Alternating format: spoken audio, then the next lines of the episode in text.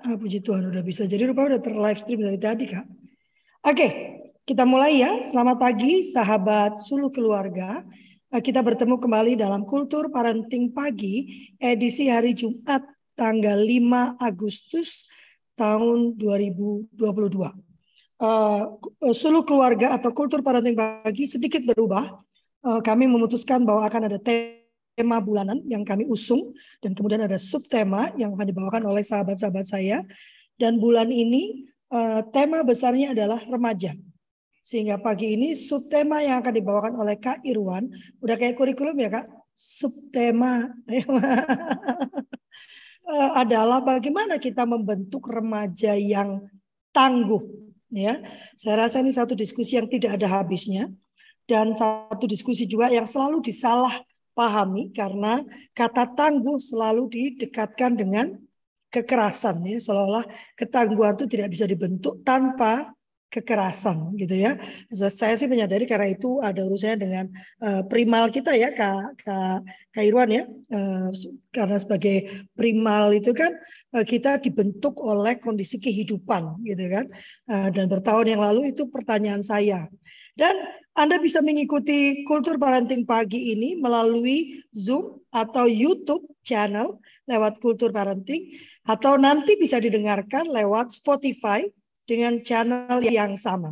Saya mohon bantuan teman-teman untuk bersedia membagikan sehingga makin banyak orang-orang yang kita sentuh dan diubahkan lewat acara-acara pagi kita. Anda juga bisa eh, mendukung acara kami ini lewat menjadi anggota Sulu Keluarga dengan Rp150.000 per tahun. Eh, Anda mendapatkan 12 kali 12 pertemuan dan bila 8 kali pertemuan maka Anda bisa mendapatkan sertifikat bulanan ya lumayan ya.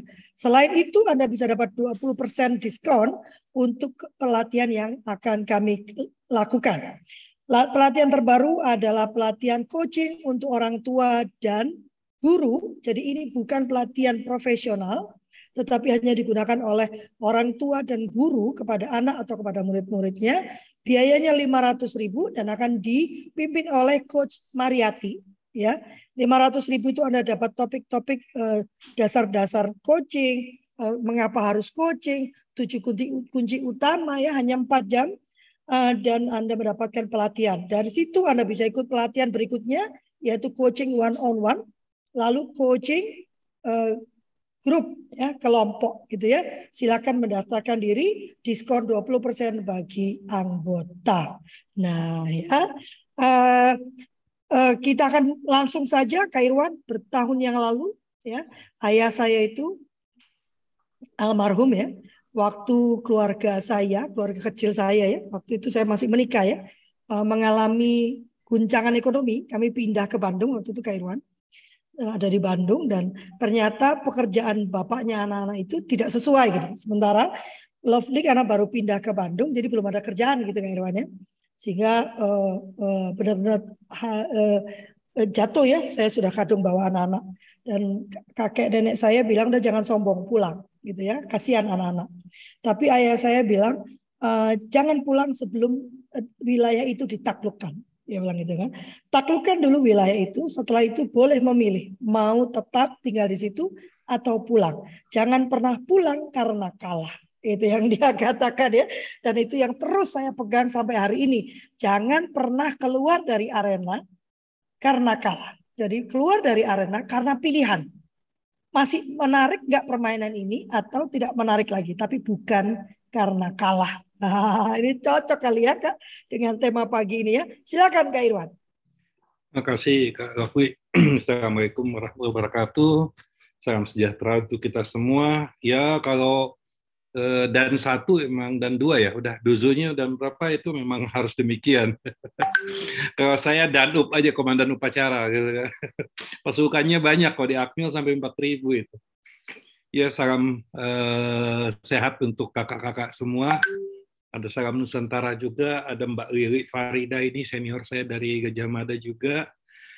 Baik, eh, saat ini memang di kalau kita ikuti perkembangan olahraga di Semarang, Solo, sidoarjo, saya kira ya di situ sedang ada Asian Para Games gitu. Asian Para Games ini ya dengan keterbatasan fisik segala macam itu atlet-atlet kita lumayan sekarang masih di ranking satu luar biasa gitu ya. Eh, tapi ya namanya remaja ya, namanya remaja itu barusan ada teman eh, kirim foto sayang saya, saya tidak bisa sharing situ ya nanti saya sharing ke Kak Lopri aja gitu kan Eh, tiba-tiba ada anak TG gitu yang wah tiduran begitu gitu. Kenapa? Rupanya ada atlet atlet Thailand yang yang dia taksir gitu ya. Kok fotonya sama orang lain gitu. ya, itulah remaja ya kalau gue. Itulah remaja gitu ya dengan dengan segala macam keunikannya. Nah, kalau apa tema yang uh, di diusung hari ini ya itu kan ada ada remajanya, ada tangguhnya, ada pendidikannya, ada how how how to-nya ya. Ya baik, saya izin share share screen saja. Eh, saya ditanya waktu itu ada ada foto yang lain nggak? Jangan yang pakai jas saja gitu kan. Dikasih contoh fotonya Kak Lapri gitu ya. Akhirnya eh, saya berikan beberapa foto yang dipilih. Kok ini gimana? Is okay gitu ya. Ini eh, Kak Lia mungkin tahu ini ini eh, villa bukan villanya saya, villanya senior angkatan 71 di Parompong. Gartik namanya Garuda Garuda uh, Kartika ya. Ya, jadi memang eh, ya Parong Bandung itu saya di Geger Kalong itu udah dingin banget Kak ya. Apalagi kita naik ke Lembang itu dingin banget. Bangun pagi itu sesuatu banget gitu ya. Jadi memang salah satu yang tantangan tantangan uh, ketangguhan itu juga memang ujiannya itu demikian gitu ya. Saya waktu penduduk uh, pendidikan pembentukan untuk menjadi militer itu di Secapa TNI Angkatan Darat dekat sekali di rumah saya dari sini. Hanya waktu itu saya belum tinggal di sini. Kok dari uh, di sana itu istilahnya pakai jaket kulit ya. Jadi kita setelah subuh itu dipanggil bawa senjata ya. Uh, jaket kulit artinya badan aja nggak ada nggak ada kulit aja. Pakai celana pendek sepatunya sepatu garsnya tentara bawa senjata gitu. Itu kadang-kadang kalau lagi sikap sempurna apa teman-teman iseng tuh nempelkan senjata di kita. Waduh itu kayak ditusuk gitu ya. Tapi kembali lagi itu adalah tantangan lingkungan yang yang sudah diberikan oleh alam diberikan oleh Tuhan kepada kita. Dan bagaimana kita eh, bagaimana kita bisa beradaptasi untuk menjadi tangguh Oke, uh, kita masuk ya uh, kepada fase-fase tuh. Ada fase-fase remaja nih, gitu kan. It's, ada.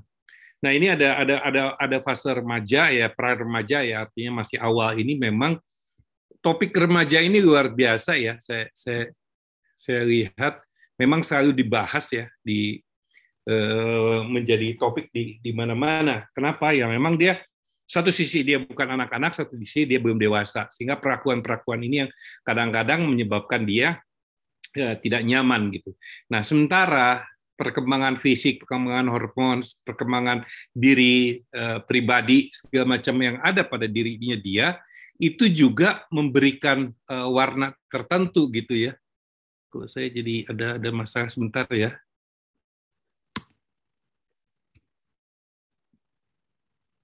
Saya nggak bisa mainkan uh, ininya apa namanya share screen-nya. Ini ada ada, ada nggak? Bisa. Mau stop aja nggak bisa kak coba aku stop dulu ya. Oke. Okay. nah, coba diulang lagi sebentar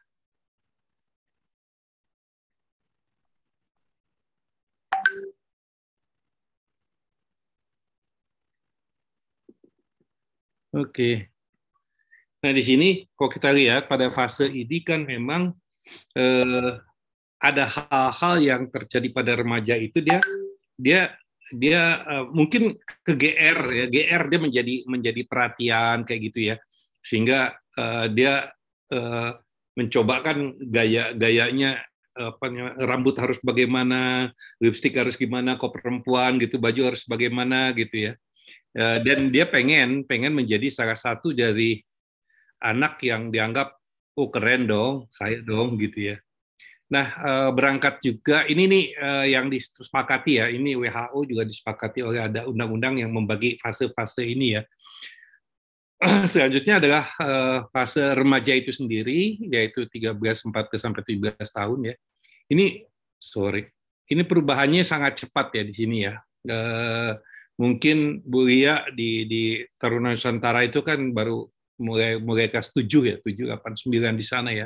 Usia-usia ini gitu kan Eh, ketidakseimbangan emosional yang terjadi ketidakstabilan dalam banyak terdapat pada usia ini. Ia mencari identitas diri, ya siapa saya, pola-pola hukum sosial sudah merubah. Menyuplai orang dewasa, remaja sering merasa berhak untuk membuat keputusan sendiri. Pada masa perkembangan ini, pencapaian kemandirian atau identitas sangat menonjol. Pemikiran sangat logis, abstrak, idealis, semakin banyak waktu di luar, di luar keluarga gitu ya. Jadi dia memang memang uh, punya peers group gitu. Nah ini ini juga kebayang ya saya saya kalau boleh eh, sambil-sambil jalan ini juga membandingkan gitu ya. Jadi uh, sebetulnya kita itu kayak kayak pegas itu berputar ke atas gitu ya antara keterikatan dengan kebebasan gitu ya. Jadi anak-anak ini misalnya dari dari tamat mau tamat SD dia pengen nggak uh, enak nih mengikat dia pengen uh, lepas bebas gitu ya. Akhirnya dia tamat kan dia, dia tamat SD dia harus tapi dia nggak nggak ternyata kebebasan itu tidak mengenakan sehingga dia mencari ikatan ya ikatannya apa ya? Sekolah lagi gitu ya sekolah lagi. Nah saya kebayang nih kan eh, kepada kepada kalau kita ngurusi boarding school ya di mana tadi eh, anak-anak ini menuntut dia lebih mandiri apa tapi di situ ada keketatan keketatan pada suatu aturan. Itu luar biasa gitu kan. Luar biasa luar biasa banget. Saya sangat mengikuti karena saya dari awal mengikuti SMUTN sejarahnya pun saya tahu eh, orang taunya dari Pak LB Murdani kalau saya malah tahu dari Pak eh, eh, Sarwedi ya Kak Sarwedi itu pernah buat SMU eh, Tidar gitu ya. ya ide itu yang diadop menjadi Taruna Nusantara eh, selanjutnya ada fase remaja ya, 17 20 sampai 21 tahun. Nah, ini ini menjadi pusat perhatian, ingin menonjol dirinya secara lain dengan remaja awal, ia idealis, mempunyai cita-cita tinggi, bersemangat dan mempunyai energi yang besar ya karena tadi ya hormon segala macam ya. Nggak bisa diamlah di sini ya. Jadi kalau kita juga melihat uh, ada indikasi-indikasi dianya murung, diam, kurang bergerak. Nah, ini bukan bukan bukan bukan uh, identitas remaja nih gitu ya identitas remaja justru dia akan uh, akan berontak melawan dan ya, kalau nggak begitu justru kita aneh ya kalau kita inginkan dia menjadi manut manut manut aja lah. Ini justru justru nanti kita bisa diskusikan ya. Mungkin ada ada sesuatu yang tidak tidak tidak pas gitu ya. Setelah itu dia mencapai uh, ingin mencapai ketidaktergantungan emosional. Tapi uh, dia sendiri masih ada suasana emosional Nah, ini saya ambil dari konsep saya sendiri. Jadi eh, mental pemenang itu kan ada ketangguhan, ada tangguh, ada ketahanan dan ada fleksibilitas fleksibilitas mental gitu kan.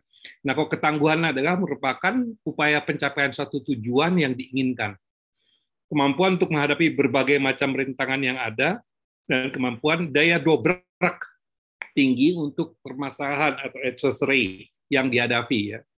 Jadi ya ini saya selalu ngomong adversary itu jadi kita ini dibekali segala macam bakat sama yang sama yang maha kuasa, tetapi kita diberikan accessory-nya masing-masing.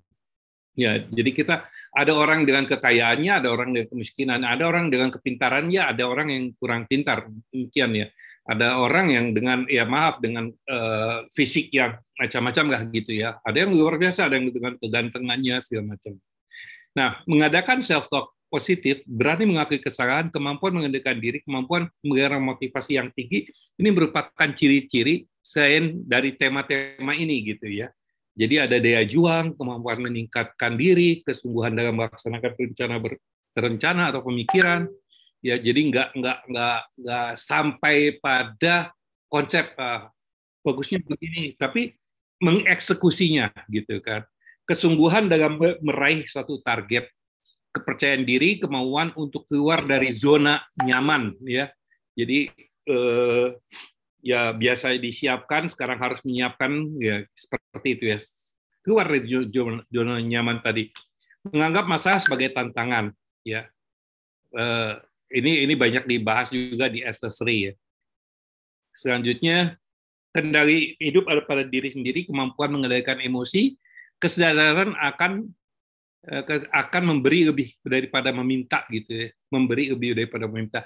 Ya saya sering kali mengatakan bahwa bahwa fitrah kita fitrah makhluk Tuhan itu to give the others ya. Kita memberi bukan bukan meminta atau apalagi mengambil gitu.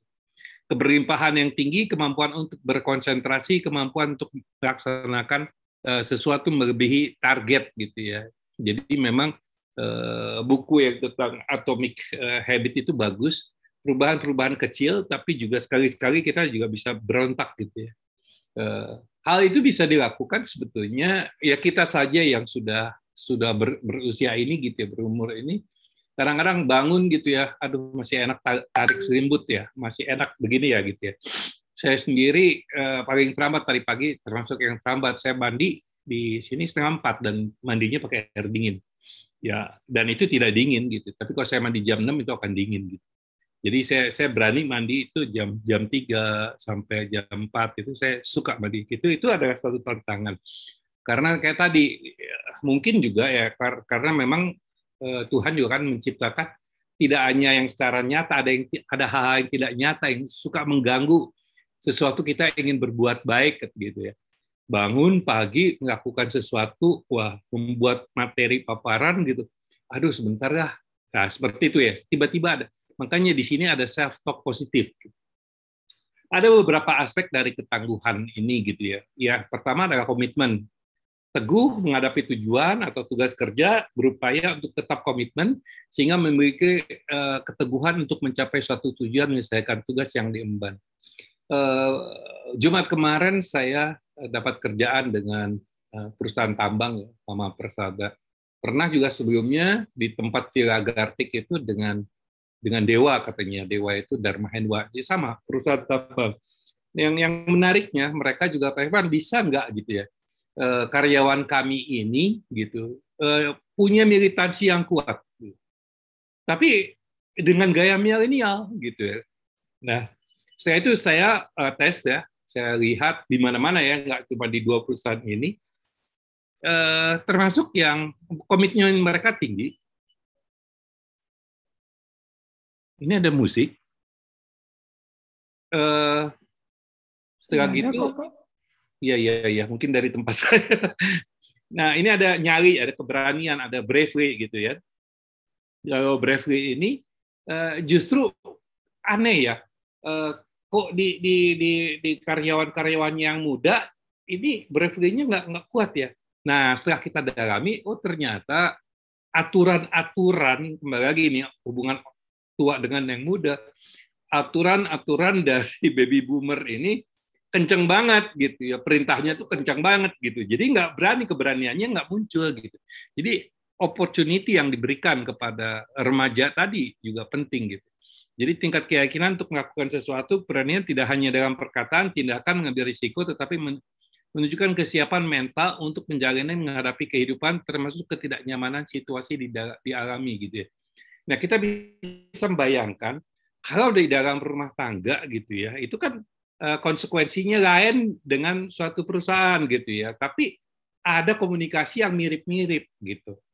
Ya, untuk menumbuhkan keberanian tadi gitu. Keberanian tadi. Karena kalau di perusahaan kamu nggak berani, tapi satu sisi dia memang tidak diberi opportunity untuk berani gitu.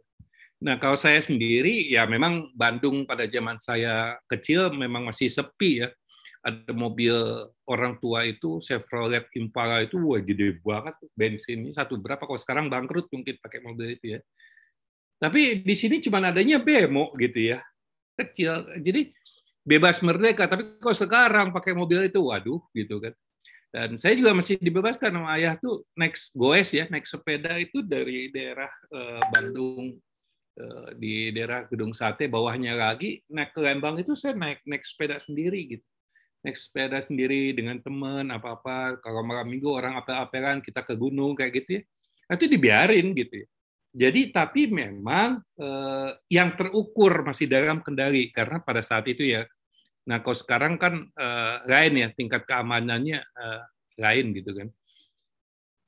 Selanjutnya tantangan ya, challenge. Jadi perbedaan individu dalam pendekatan terhadap tantangan memiliki sikap bahwa permasalahan dihadapi sebagai suatu tantangan, tantangan dianggap sebagai peluang untuk belajar, mendapatkan pengalaman baru ataupun tantangan untuk membuktikan kemampuan dapat mengalahkan masalah tersebut. Ada skenario Tuhan, ada skenario manusia. Kalau dalam suatu pelatihan, eh, pelatih ini yang membuat suatu suatu rundown, suatu skenario tertentu untuk memberikan tantangan gitu ya, tantangan ya. Kalau saya coba uh, melihat uh, yang tadi ada ada komitmen ya, terus ada tantangan. Nah saya uh, dalam satu pelatihan sederhana saja, saya ambil taplak meja gitu ya, saya ambil taplak meja, saya ambil uh, gelas uh, isi air, uh, simpan di atas taplak meja itu, silakan diatur berapa orang. Itu eh, taplak itu kan kalau dia dia dari kain itu kalau dia ditarik kencang dia kan keras ya. Jadi si gelas tadi kan bisa berdiri. Tapi bukan cuma berdiri dia harus ngangkat gelas tadi gitu ya dari mana ke mana gitu nah itu adalah mengajarkan komitmen gitu. nah setelah itu tantangannya diberikan lagi nah ini ada jalan yang lempeng ke sana ini aja jalan yang muter ke sini gitu ya tapi dia lebih uh, lempeng ke sana dia akan ada tangga turun naik kayak gitu. Kok yang muter jauh. Nah, ini memberikan komitmen sekaligus tantangan. Selanjutnya adalah confident, tingkat keyakinan eh, atas kemampuan diri sendiri. Memiliki keyakinan dengan kemampuan sendiri, menyelesaikan tugas yang mungkin dirasakan terlampau sulit untuk orang lain dengan kemampuan yang sama, namun kepercayaan diri akan lebih rendah gitu ya. Jadi tingkat confident ini juga penting ya kadang-kadang kita juga tidak bis, tidak boleh menjadi overestimate dengan kemampuan yang biasa saja atau underestimate dengan kemampuan kita yang sebetulnya kita mampu gitu ya. Jadi memang harus sesuai gitu. Ngaca ya ngaca gitu ya. Jadi ngaca kucing ngaca jadi singa mungkin nggak nggak pas juga tapi eh, singa ngaca jadi kucing juga juga tidak pas ibaratnya demikian Nah, yang selanjutnya yang kelima keenam ini adalah masalah motivasi dan konsentrasi ya. Jadi ketangguhan tadi, kalau kita lihat kan ada enam aspek ya, mulai dari komitmen, keberanian, eh, tantangan ya, menghadapi tantangan, keyakinan, confident, dan motivasi dan konsentrasi. Ini belajar fokus ya konsentrasi itu. Kalau ya anak-anak aja pun dia kalau udah kasih satu satu hal itu kan ditanya aja tidak ini karena mungkin dia udah saking fokusnya gitu ya motivasi ini juga sering kali dia berkaitan dengan eh, pengetahuan kemampuan gitu ya. Jadi dengan meningkatkan kemampuan apa-apa motivasi juga akan lebih lebih lebih lebih tinggi ya. Jadi misalnya kalau kita kalau, kalau di dalam di, di dunia atlet juga sering kali kan kita memberikan informasi misalnya tentang siapa sih yang akan dia hadapi segala macam.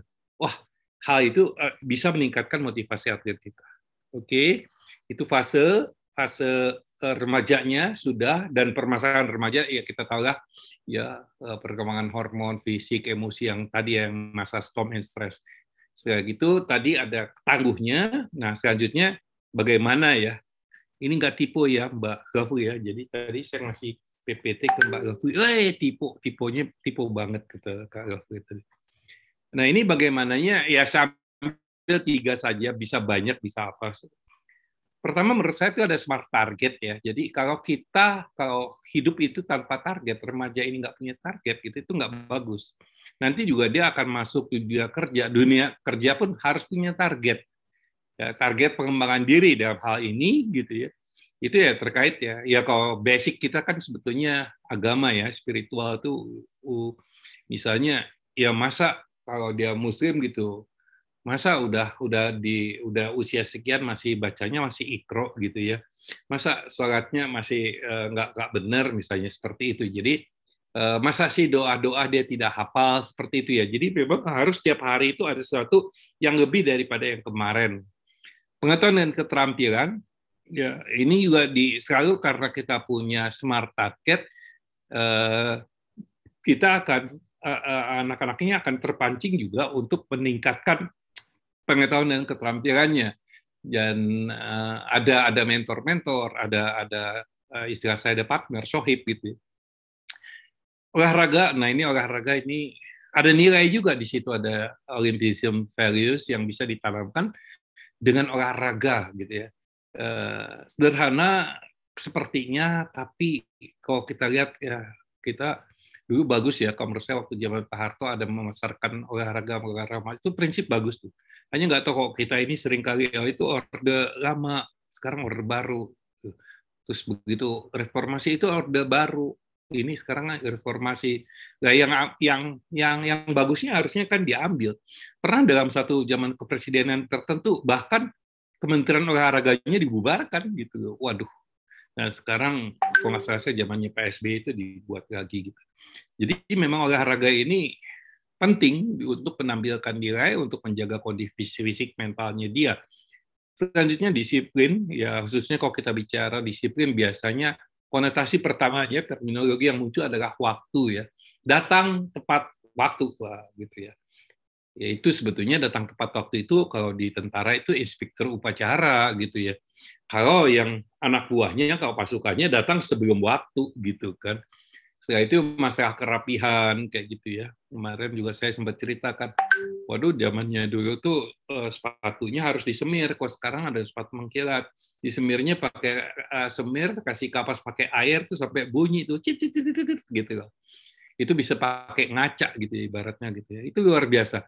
Nah, hal yang tadinya secara sadar menjadi kebiasaan menjadi masuk ke bawah sadar kita dan berpengaruh positif gitu. Ya, jadi kayak Kak Lovely itu karateka ya, dia dia diajarin ya kata karate, cara uh, tendangan, cara pukulan segala macam gitu. Nah, karena jadi kebiasaan nanti bawah sadar, nah nanti ada refleks yang bekerja sebetulnya kekuatan kita kekuatan bawah sadar itu luar biasa. Begitu dia dipukul akan nangkis gitu ya. Secara mental pun itu akan terjadi gitu latihan imagery, latihan visualisasi juga akan memberikan hal hal Selanjutnya, hal yang tidak kalah pentingnya adalah reinforcement. Ada reinforcer tertentu yang atau penguatan tertentu. Itu oh, bisa partner ya, sohib ya. Kalau tentara itu biasa dia ada body system. Jadi kalau nggak boleh kita apalagi di daerah tempur gitu ya pergi sendiri nggak bisa mesti mesti minimal ada berdua gitu ada saling mengingatkan gitu Nah, sohib ini di dalam kehidupan juga kita perlu ini gitu. Jadi ya orang baik kan akan berkawan dengan orang baik lagi gitu dan dia akan mengingatkan bukan hanya memuji karena sering kali pujian justru membuat kita terlena gitu. Setelah itu ada peers gitu ya, ada peers, ada kelompoknya tertentu yang yang yang dia dapat pengakuan nggak, belief dia tuh kadang-kadang di situ. Ya, hanya kadang-kadang banyak terminologi ya, mulai dari zaman dulu pun demikian. Gila, eh dia berani berani kok gila ya gitu ya semacam harusnya kan dikasih uh, apa terminologi yang positif apresiasi itu penting ya kasih sayang dan itu gaya style gitu yang tadi yang saya katakan ini mil, apa namanya uh, militansi dengan gaya milenial gitu ya menarik juga waktu kemarin itu kita membuat suatu acara terpenting sebetulnya di sini adalah membuat seorang itu happy ya remaja ini happy gitu ya karena dia sudah dalam fase storm and stress, udah itu dibuat stres lagi, ya tidak nyaman.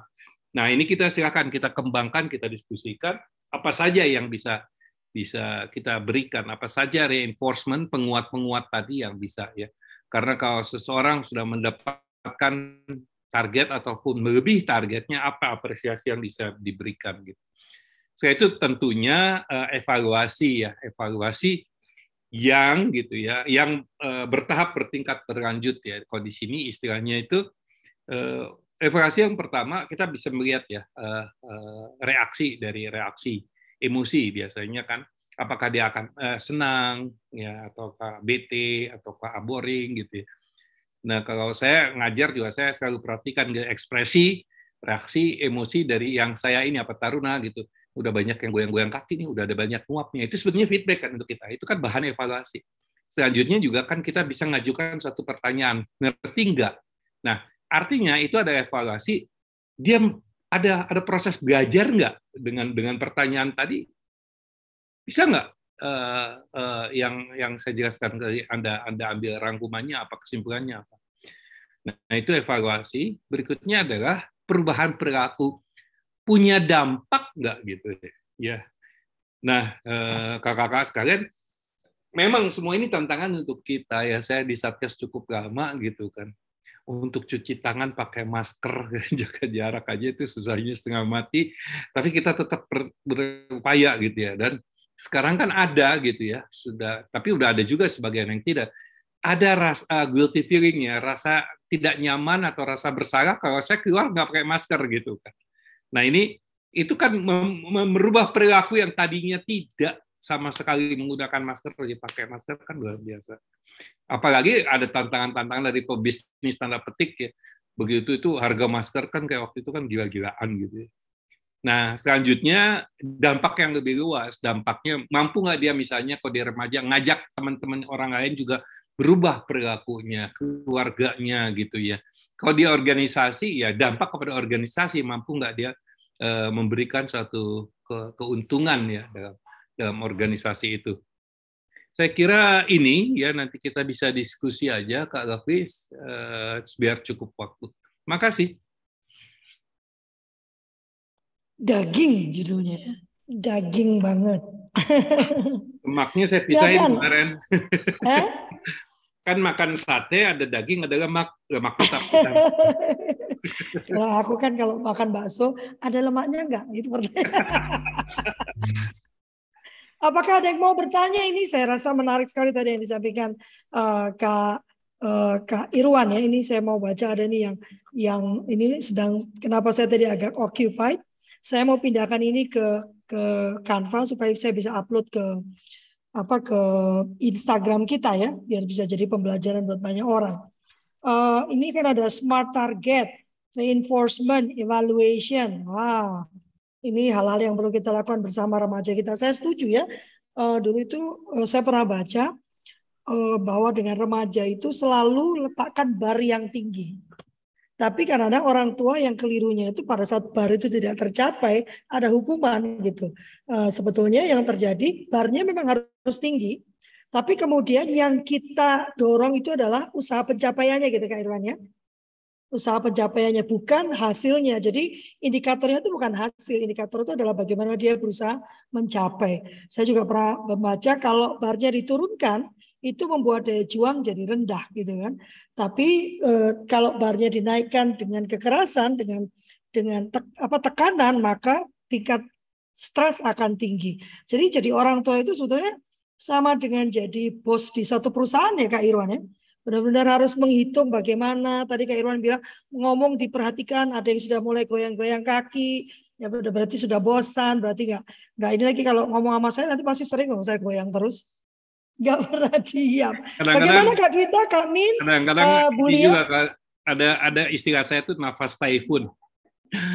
Nafas jadi, dia orang orang dah narik nafas panjang gitu tuh ada sesuatu itu. Oh iya iya iya Iya betul, itu juga saya jadi jadi sampai sekarang juga uh, partner saya tuh kesel karena saya suka tanya ada apa? Gitu. Tiap kali dia, rupanya dia suka gitu. Saya udah terbiasa. Kenapa? Is there any problem gitu kan? Apa sih? Kurang gak apa-apa kok. Ayo teman-teman, ini ada ada Kak Adi nih. Kak Adi ini uh, Bapak ini sudah anak kedua belum Kak Adi? Yang saya tahu baru satu putrinya. Uh, Kak Dani, Kak Dani kok ditutup kameranya? Kadang apa? Kok nggak biasanya? Kak Ani? Nah, itu dia. Katanya mau belajar jadi host. Gimana sih? Ayo. Apa ada yang mau ditanyakan terkait dengan membentuk anak remaja kita menjadi remaja tangguh? Kak Canita, biasa Kak Cinta, Kak Canita banyak pertanyaan. Kak Dini, Kak Feisy, itu Kak Dini punya remaja yang mendekati dewasa. Gimana Kak, Kak Dani ada yang mau ditanyakan?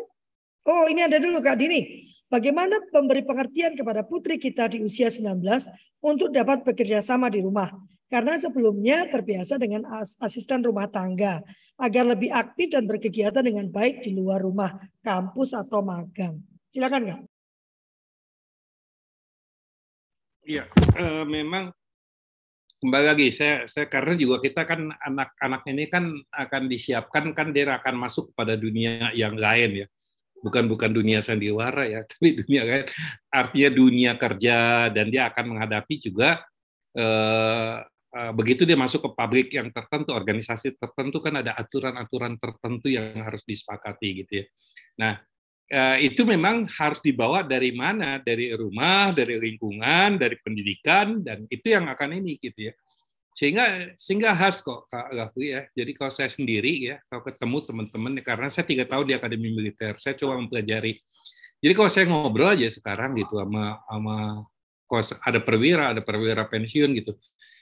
Uh, ada angkatan-angkatan tertentu saya udah tahu ini angkatan sekian nih Kenapa? Karena dia udah punya ciri-ciri umum gitu. Nah, kita juga harus eh, sebagai keluarga juga harus eh, punya punya ciri-ciri tertentu. Kita juga punya punya ciri tertentu. Selain ada ciri-ciri umum, ya. Eh, nah ini bisa kita sepakati dengan anak perempuan kayak anak laki-laki. Jadi misalnya kalau keluarganya Irwan itu tuh begini, misalnya care atau apa gitu ya. Nah hal itu harus kita latih bersama kan Gati bersama. Gati bersama artinya semuanya punya semuanya punya tanggung jawab bersama. Karena di rumah ini kan cuma kita-kita saja. Bagian nyuci, bagian nyapu, bagian apa, bagian apa, bagian apa. Tapi tadi kita juga mesti bisa keluar dari zona nyaman. Karena apa? Mungkin ada salah satu anggota tadi yang nggak bisa nyapu hari ini gitu karena ada ada apa gitu. Eh, ini kan bisa. Nah, artinya kalau di perusahaan sendiri kan ada kontrak kerja. Kalau di pelatihan itu biasa juga ada kontrak belajar. Nah, ini ada harapan dari fasilitator, ini ada harapan peserta. Ini ada tujuan yang ingin kita capai. Nah, inilah yang harus kita bicarakan ya dengan dengan kemarin banyak ada ilmu-ilmu tentang apa ya empati empathy listening ya, misalnya dengan empathy listening, dengan pertanyaan-pertanyaan yang tepat gitu. Dia menjawab akhirnya adalah suatu konsensus kesepakatan. Oke, okay, sama-sama kita kita lakukan ini. Ya, memang nggak ada nggak ada nggak ada sesuatu yang mudah ya. Artinya gini ya, ada ciri-ciri nih gitu. Kalau ada pertentangan, ada pemberontakan, itu memang bagian alamiah dari remaja. Jadi jangan nggak mau ditentang. Memang itu dia harus menentang jadi jadi peran orang tua ya lingkungan masyarakat ini memang memberi kesempatan untuk berkembangnya potensi diri remaja. Setelah itu eh, aturan pun agak dilonggarkan tapi tetap dengan kendali itu tetap dengan kontrol gitu dengan kontrol gitu. Jadi eh, oke okay, dia datang tepat waktu dia dia ini ini ini itu itu bisa bisa ada toleransinya tapi ada kendalinya saya kira itu ya. Uh, saya kasih grade-nya bukan bukan buku masakannya gitu. gitu Kak Gafri. Mudah-mudahan terjawab. Ya tetap melibatkan keterlibatan gitu ya karena di akhirnya itu kan kita ingin membuat mereka mandiri baik dalam bersikap berperilaku utamanya sebenarnya berpikir sering kali orang tua itu lupa Kak Irwan ya yang dipersiapkan hanya kemandirian hidup Ya, jadi bisa bisa makan sendiri, bisa masak sendiri. Yang lupa dipersiapkan adalah kemandirian dalam berpikir, gitu ya.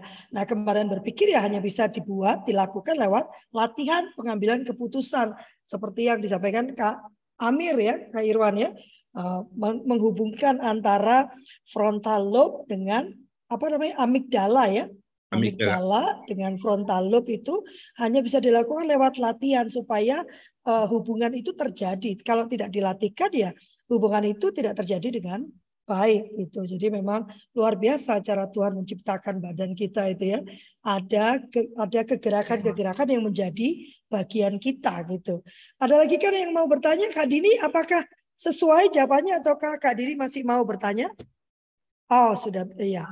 Ya, anak-anak saya menjadi mandiri Kak Irwan itu karena kondisi ya, karena keadaan ya. Jadi waktu itu kami tinggal bertiga. Saya sampaikan bahwa saya belum mampu membiayai uh, pembantu rumah tangga dan saya harus keluar sekarang mencari uh, uang. Jadi harus ada uh, pembagian peran gitu saya bilangnya. Karena mama nggak sanggup pulang bersihkan, masak, nggak mungkin ya gitu ya. Dan sejak itulah mereka uh, belajar menjadi mandiri. Tapi saya bilang gini, kan kita mau keluar negeri katanya. Kita pengen tinggal di luar negeri. Kalau di luar negeri nggak ada pembantu jadi harus kita mulai dari sekarang. Gitu. Ya ternyata nggak keluar keluar negeri. Tipu mereka. Kak Min ini pada Tamin bertanya, yang dibutuhkan adalah keterlibatan orang tua untuk bisa membangun komunikasi yang baik dengan anak-anak. Jangan memberi kesempatan bagi AR untuk mereka mandiri. Terima kasih Pak Irwan, materi yang bagus bagi kita orang tua. AR itu apa ya Kak Imin? Udah Tamin? Anak remaja mungkin. Oh mungkin ya. Oh iya benar anak remaja Allah. Ada lagi Kak Rusmina, Kak Dani ini udah udah buka buka ini. Silakan Kak Dani. Iya ya. Satu nun Kang Irwan selalu uh, apa bawa sesuatu yang luar biasa banget. Uh, mungkin kan uh, yang saya mau tanya tuh gini, kan itu dibilang remaja tangguh ya, dan saya percaya bahwa orang-orang uh, tangguh itu bukan terlahir tangguh, tapi memang dibuat atau dibentuk untuk menjadi tangguh. Tadi juga Kang, uh, Kang Irwan udah jelasin uh, bahwa kayaknya perlu proses uh, kayak dari mulai dia harus orang karena untuk orang anak atau anak uh, untuk punya komitmen ya punya keberanian untuk uh, berani juga menghadapi challenge bahkan menjadi anak yang confident itu kayaknya perlu proses yang lama dan dibentuk gitu. Nah sementara kan orang tua sendiri uh, ada beberapa lah mungkin dia juga bukan bukan apa uh, mentor atau coach yang yang yang apa yang sudah terbiasa untuk melakukan itu. Kedua juga punya kesibukan ya punya punya aktivitas lah untuk mencari apa uh, nafkah atau dana lain gitu. Nah, uh, gimana tipsnya Kang Irwan dengan, dengan kondisi begitu yang terus juga apalagi pada masa remaja itu kan tadi juga dibilang ada lagi jati diri, lagi lagi kebingungan gitu. Kan banyak sekali hal-hal yang yang yang terjadi lah. Kita sebagai orang tua ini apakah kita perlu bikin form atau ada ada panduannya yang membuat kita tinggal uh, centang-centang oh ini kita mesti kerjakan A B C D E gitu kalau jadi saya tuh eh, nggak gampang, tipsnya apa lah gitu. Ya, atau nur Kang Ya, sami-sami. Saya juga pertanyaannya yang luar biasa gitu, menggelitik diskusi ini. Jadi kalau saya sering kali memberikan ilustrasi, ya, ilustrasi kayak gini ya, kan saya selalu ngomong adversary. Adversary itu eh, dengan ke, kekuas dengan keberadaan kekuasaan dan keadilan Tuhan diberikan kepada manusia gitu ya. Nah, jadi ada ada kalau zaman sekarang kan kayak ada orang yang terlampau sibuk. Dia ada dem, waduh, udah orang yang paling sibuk kayaknya gitu ya. Terus ada orang yang paling tahu gitu ya, the man who knows everything kayaknya ya. Nah, kalau saya cenderung mengatakan gini, eh, seharusnya orang yang paling sibuk di dunia ini adalah Presiden Amerika Serikat. Gitu. Tetapi Presiden Amerika Serikat masih bisa main golf, masih bisa bermain dengan anak cucunya gitu. Jadi sebetulnya yang pertama, yang kita yakinkan apa yang kita hadapi itu dengan ke, dengan uh, keberadaan kekuasaan dan keadilan yang maha kuasa gitu ya. Jadi waduh terlalu sibuk ini ada kerja gini-gini. Benarkah? Artinya gitu. Saya uh, suka yang tadi smart target kan sebetulnya kita kan bisa kita matrikskan sebetulnya apa target-target kita atau yang harus kita kerjakan di dalam satu matriks. Matriks kita bayangkan jadi di sini level uh, urgensinya, tingkat kegentingannya di sini, tingkat importansinya, tingkat kepentingannya. Jadi kan ada yang dia penting dan genting, nah itu harus dikerjakan gitu. Tapi ada yang penting tapi tidak genting gitu. Tapi ada yang kurang penting tapi dia genting gitu. Nah itu kan first thing first. Sebetulnya yang harus kita lakukan pertama itu apa sih Kak Dani? Nah saya itu tadi yang kata Kak Lopu itu benar sekali. Kita garis bawahi ya orientasinya jangan hanya kepada result hasil, tapi proses bahwa sesuatu itu didatangkan memang tadi ya butuh waktu harus dengan suatu proses. Jadi memang oke okay, kita kita apresiasi setiap uh, proses itu dia dia tidak kehilangan. Jadi kita juga tidak harus tunggu. Nah nanti dapat hasilnya baru dapat apresiasi. Enggak gitu gitu kan. Tetapi dalam proses itu uh, diberikanlah ya Nah, jadi kembali lagi harus mulai dengan keyakinan Kak Dani menurut saya ya, keyakinan bahwa enggak enggak kok gitu. Orang ya kita nggak bisa apple to apple gitu ya. Tapi kita bisa lihat ya orang dulu tuh anak sebelas gitu. Itu anaknya tuh bisa gitu. Dan memang rupanya saling membantu. Ya zaman sekarang kan anak dua malah malah ada orang anak cuma satu aja bahkan nggak mau punya anak gitu ya karena takut nggak bisa gitu. Ya.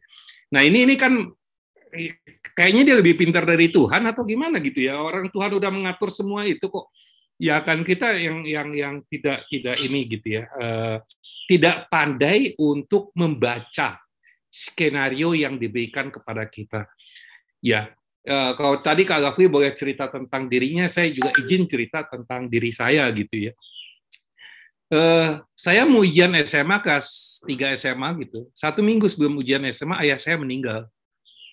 Ayah saya itu pensiun dini ya, minta pensiun dini. Jadi umur 50 tahun minta pensiun, lima tahun bisnis, meninggal gitu. Nah, uh, waktu pensiun dini juga kenapa? Udah kan ada kesempatan untuk menjadi yang lebih tinggi atau apa? Emangnya gaji jenderal berapa? Ya benar juga ya begitu jadi. Saya juga mikir gaji gue emang berapa gitu kan. Nah, eh, terus dia bisnis dia ngadap ke suatu pejabat Pertamina pada saat itu ya. Langsung dibilang, Amrun, bisnis is play dirty. Kamu nggak cocok gitu. Waduh, bingung juga gitu. Tetapi yang ingin saya sampaikan di sini dengan kondisi itu ya, kalau kita hitung-hitungan ya, Kak Dani ya, saya baru mau baru mau ujian SMA, ayah meninggal. Kalau boleh kita negosiasi sama Tuhan, jangan dulu deh, gue ujian selesai, ujian dulu dong, gitu kan. Setelah itu udah ujian masuk, gitu. Sebentar dong, gue mau seleksi uh, perguruan tinggi dulu dong, gitu kan. Sudah masuk, eh, ini perguruan tinggi ini biayanya agak gede, jangan dulu meninggal dong, kayak gitu kan. Tapi kan tidak jadi apa yang kita hadapi ini karena kekuasaan, keberadaan dan keadilan yang maha kuasa. Jadi bagaimana ternyata bisa kok bisa hidup kok bisa uh, ya bisa jadi sarjana juga kok bisa punya karier juga kok bisa berbagi juga kok gitu Kak Dani. Jadi maaf tadi saya agak uh, enrichment enlargement dari dari pertanyaan Kak Dani yang luar biasa. Jadi intinya harus kita yakini bahwa tadi presiden Amerika aja yang paling sibuk aja gitu gitu. Tapi ingat prinsipnya yang first thing first tadi. Kalau nggak salah saya uh, salah satu yang siapa sih itu yang kena kasus tapi nggak kena impeachment. Jadi dia dikasih dia dikasih sama menterinya uh, lima lima lembar saran staf sama menterinya dibuang saya Presiden Amerika Serikat, katanya, kalau kamu setiap menteri kasih saya lima lembar, ya, jadi berapa puluh lembar saya harus baca dari menteri. Belum lagi ada yang perbedaannya. Sementara saya ada sekian tamu, sementara saya punya keluarga, sementara ini gitu. Jadi kita sendiri mesti bisa filtering, filtering terhadap first thing first tadi, mana yang importansi, mana yang urgensi itu aja Kak Dani. Mudah-mudahan bisa di ini kan. Kalau nggak nanti kita selesaikan secara jantan di tempat yang lain. Terima kasih uh, Kang Irwan. Benar-benar uh, hal yang baru juga yang saya belajar tentang keberadaan dan keadilan dari Tuhan ya. Bahwa uh, ya semua orang pasti punya kesibukan. Kalau nggak pilihnya sibuk, tapi Tuhan itu adil. Tuhan akan akan bantu beresin semuanya. Gitu. Jadi ya. hatur nuhun, Kang Irwan. Amin. Ya, satu lagi itu nanti saya tambahkan di slide saya ya.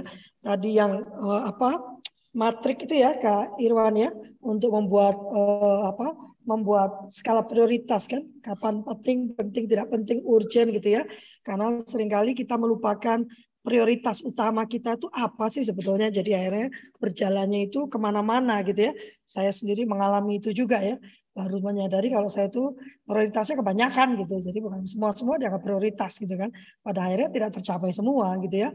Ah, dan ini mungkin uh, selalu masalah klasik Kak Irwan. Pertanyaannya selalu kan saya sibuk gitu ya.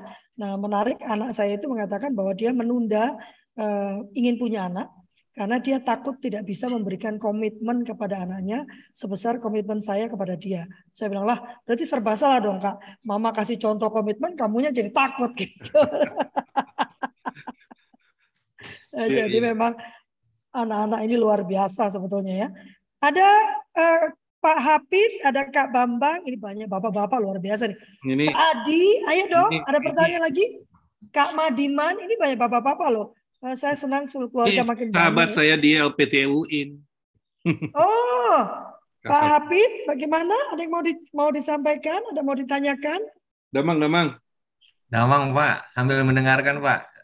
Wah, Ibu, ya. terima kasih Pak Hafid. Uh, terus bergabung dengan kami ya. Kami ada baik, setiap hari Senin, Rabu dan Jumat. Insya Allah, Ibu. Kalau anaknya udah gede-gede, bantu bagikan saja, Pak. Iya. Ada anak saya remaja, Bu, udah mau kuliah oh, tahun ini. Cocok ya. Enggak punya anak remaja, tiba-tiba punya punya anak lagi, ada kecil. oh. Sekarang sering gitu ya. Oke, udah jam 8 lebih, Kak Irwan, silakan untuk penutup. Aduh, kalau kemarin eh, pakai puisi ya, kalau sekarang pakai apa ya Kak Iya, eh, saya ini aja deh, Kak Jadi ada sesuatu yang ya, menarik dari lirik lagu ini gitu ya. Jadi I believe the children are the future. Jadi kita kita jangan sering kali di orang tua ini yang justru pesimis kan.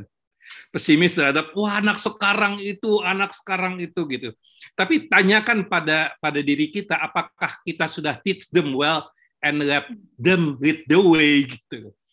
Ya, nah sebetulnya kan apa ya tunjukkan kepada mereka ada hal yang ada yang hal yang beauty uh, yang beauty ya proses insight. Kirain mau dinyanyiin, nyanyiin dong Kak Irwan. Give them a sense of pride to make it easier. jadi memang sebetulnya ada pride yang harus diberikan. Jadi biarkan juga dia tertawa gitu ya. Memang semua orang akan mencari siapa sih hero-hero hero. Kita nggak akan pernah puas gitu ya tapi uh, akhirnya kan sebetulnya ini uh, sebetulnya kita harus memutuskan uh, never never to walk to uh, to one shadow gitu ya. Jadi kita menjadi jati diri kita sendiri. Nah, akhirnya ada suatu konsekuensi apa? Jangan nyerahin orang tua, jangan nyerahin lingkungan. Kita sukses ataupun uh, gagal itu seperti apa yang kita percayai ya Nah, akhirnya sebetulnya lagu yang diciptakan konon untuk Muhammad Ali ini kan bicaranya itu learning to love yourself is the greatest love of all. Jadi bicaranya itu tentang tentang cinta gitu ya. Eh, nah, ini juga menarik ya. No matter what they take from me ya kemarin juga ada siapa tuh motivator perempuan yang dia bilang ini apa? Aku dia kasih label. Dia kasih label uh, Coca-Cola. Ini apa? Tetap aku mau dikasih label Sprite tetap aku ya. Ya Dewi no better take from me they can't take away my dignity ya. Dia tidak akan pernah mengambil dignitinya saya gitu kan.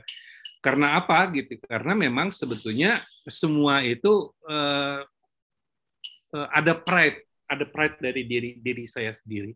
Saya kira itu yang yang uh, banyak lagu yang saya suka sebetulnya yang terkenal ya yang yang apa namanya memberikan inspirasi. Uh, hanya pada kesempatan pagi ini saya pilihkan the greatest of all kayak tadi gitu ya. Jadi jangan kita mesti punya optimisme kepada keyakinan kita bahwa uh, anak-anak itu punya future yang yang baik gitu kan itu itu aku yang ingin ingin kita sampaikan dan jangan kita label mereka gitu ya juvenile delinquency, oh, udah terlalu banyak kabel gitu kan. Makasih, semoga bermanfaat dan barokah ini hari Jumat. Amin. Ya, benar ya. Uh, lagu itu memang bagus banget ya. Dan yang yang dikatakan the greatest love of all is to love yourself gitu ya. Dan itu yang sering kali lupa kita ajarkan kepada anak-anak kita. Kita mengajarkan mereka untuk mengasihi orang lain, mengasihi sesama, memperhatikan orang orang lain terus saja tapi kita lupa mengajak dia untuk mengasihi dirinya sendiri. Padahal tidak bisalah orang itu mengasihi orang lain apabila dia tidak mengasihi dirinya sendiri. Kalau ada orang yang uh, tidak respectful pada orang lain, percayalah dia sendiri belum bisa menghormati dirinya sendiri. Gitu ya Kak Irwan ya. Jadi selalu dimulai dari diri sendiri. Hari Senin kita akan bertemu dengan siapa Del? Nama kok lupa terus ya. iya. Sudah pelupa. Siapa Kak Deli hari Senin? Dokter ya? Dengan Kak Mariati Budiati. Oh, Kak Mariati. Oh, iya dengan Kak Mariati Budiati. Dia coach yang akan melatih kita ya. Jadi uh, minggu depan sudah semuanya sudah menyatakan bersedia para pembicaranya. Kita bertemu di hari Senin jam 7 pagi sampai jam 8 ya. Saya mau ubah ke makan siang, itu saya takut para pembicaranya nggak bisa ya Kak Irwan ya. Jadi jam 12 sampai jam 1 itu enak juga, tapi saya takut nanti eh, para pembicaranya karena biasa sudah sibuk kan dan saya sendiri agak sulit meluangkan makan siang itu biasa sudah asik dengan segala sesuatu ya Jadi yuk kita tetap bersama di pagi hari. Eh, pagi-pagi punya asupan yang enak. Saya malah sedang berpikir untuk membuatnya lebih pagi. Tapi nggak tahu apakah saya mampu nggak itu ya. Jadi sambil berangkat sambil mendengarkan. Kembali apabila Anda tadi ketinggalan, Anda bisa ikuti di YouTube Kultur Parenting atau di Spotify Kultur Parenting. Eh, dengan menjadi anggota 150 ribu per tahun, Anda mendapatkan uh, kiat, kiat parenting dan juga pelatihan-pelatihan dan diskon 20% untuk tiap pelatihan itu. Jangan lupa akan ada konferensi parenting lagi di tahun ini. Sedang Lovely siapkan seluruh keluarga melaksanakan konferensi parenting yang kedua ya. Dan juga akan ada konferensi sekolah rumah banyak Kak Irwan. Dan para perempuan kita punya kongres perempuan tangguh di 22 Desember ya. Eh, bagi yang beragama Kristen pada Tamin Kak Irma nanti ya tolong saya memulai pelayanan untuk uh, para janda dan duda cerai. Wah, spesifik ya. Para janda dan duda cerai. Jadi silakan menghubungi saya nanti saya bagikan flyernya. Terima kasih banyak. Nanti malam ada operet memeluk ya bagi para perempuan. Uh, jam 8 malam silakan berkumpul. Iya Pak Irwan pakai sanggul dulu. ya silakan berkumpul uh, dan berkisah dan saling mendukung. Terima kasih banyak atas nama kami semua. Kami memohon maaf apabila ada pernyataan, perkataan, sikap atau gestur yang kurang berkenan. Kami tidak ingin merendahkan, kami tidak ingin memojokkan, kami tidak ingin uh, uh, menghakimi, kami juga tidak ingin menggurui, kami hanya ingin membagikan apa yang menjadi keyakinan kami dan yang kami kerjakan atau yang kami usahakan kami kerjakan di dalam kehidupan kami sehari-hari. Terima kasih banyak. WhatsApp, Kak Deli belum difoto. Lupa Kak Iman, jadi ingetin. Ya, ada hatinya tuh. Iya. Sudah Kak Deli? dua, tiga. Oke, terima kasih banyak. Wassalamualaikum warahmatullahi wabarakatuh. Tuhan memberkati. Selamat men menjelang hari libur, eh? weekend kan? Pak Hafid masih bekerja kan? Ayo Pak. Ini baru baru baru di kantor ini. Iya baru. Lantai tiga lagi sekarang ya? Iya Pak. Kak Dani mau diajak ngomong udah hilang aja Kak Rusmin. Terima kasih, saya pamit dulu. Kak Irwan, terima kasih. Oke, ya, Tetap sehat ya. Assalamualaikum. Assalamualaikum warahmatullahi